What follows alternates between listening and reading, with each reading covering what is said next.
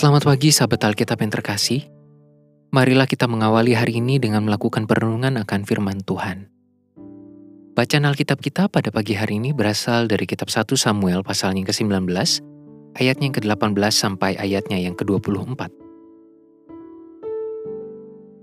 Setelah Daud melarikan diri dan luput, sampailah ia kepada Samuel di Rama dan memberitahukan kepadanya segala yang dilakukan Saul kepadanya. Kemudian pergilah ia bersama-sama dengan Samuel dan tinggallah mereka di Nayot. Ketika diberitahukan kepada Saul demikian, ketahuilah Daud ada di Nayot dekat Rama. Maka Saul mengirim orang-orang suruhan untuk mengambil Daud. Tetapi orang-orang ini melihat sekumpulan nabi kepenuhan dengan dikepalai oleh Samuel. Dan roh Allah hinggap pada orang-orang suruhan Saul, sehingga mereka pun kepenuhan seperti nabi.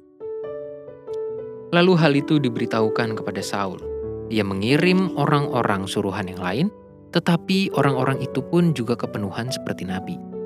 Saul mengirim sekali lagi orang-orang suruhan, rombongan yang ketiga, dan orang-orang ini pun juga kepenuhan.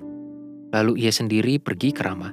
Sesampainya ke dekat perigi besar yang di Seku, bertanyalah ia katanya, Di mana Samuel dan Daud? Jawab orang, ada di Nayot dekat Rama. Lalu pergilah ia ke sana, ke Nayot, Dekat Rama dan pada dia pun hinggaplah roh Allah, dan selama ia melanjutkan perjalanannya, ia kepenuhan seperti Nabi, hingga ia sampai ke Nayot dekat Rama. Ia pun menanggalkan pakaiannya, dan ia pun juga kepenuhan di depan Samuel. Ia rebah terhantar dengan telanjang sehari-harian, dan semalam-malaman itu. Itulah sebabnya orang berkata, apakah juga Saul termasuk golongan Nabi?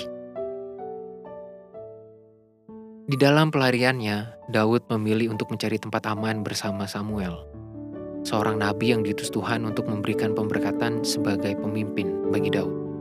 Keputusan itu adalah tepat, karena kita justru melihat bagaimana kuasa Saul sebagai seorang raja yang berikhtiar untuk membunuh Daud tidak dapat terwujud. Semua itu tidak terjadi karena kuasa Samuel jauh lebih besar dari Saul. Secara khusus, ini bukanlah pertarungan kuasa politis, maupun kemiliteran antara Samuel dengan Saul, melainkan sebuah pertempuran kuasa ilahi dan kuasa jahat. Pada bagian sebelumnya kita telah melihat bahwa Saul dikuasai oleh roh jahat yang membuatnya kembali berikhtiar untuk membunuh Daud. Oleh sebab itu, segala rancangan dan tindakan Saul terhadap Daud merupakan manifestasi kuasa jahat yang ada di dalam diri Saul.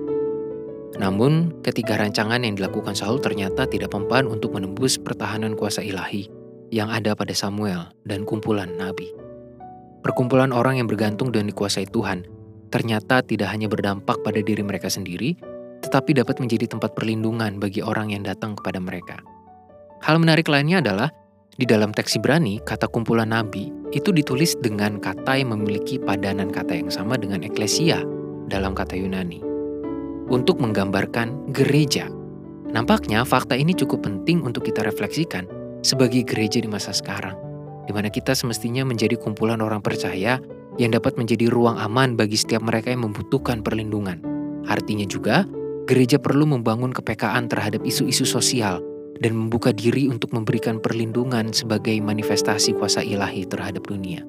Ingat, kita adalah kumpulan orang yang semestinya berada dalam dan penuh dengan naungan kuasa Tuhan.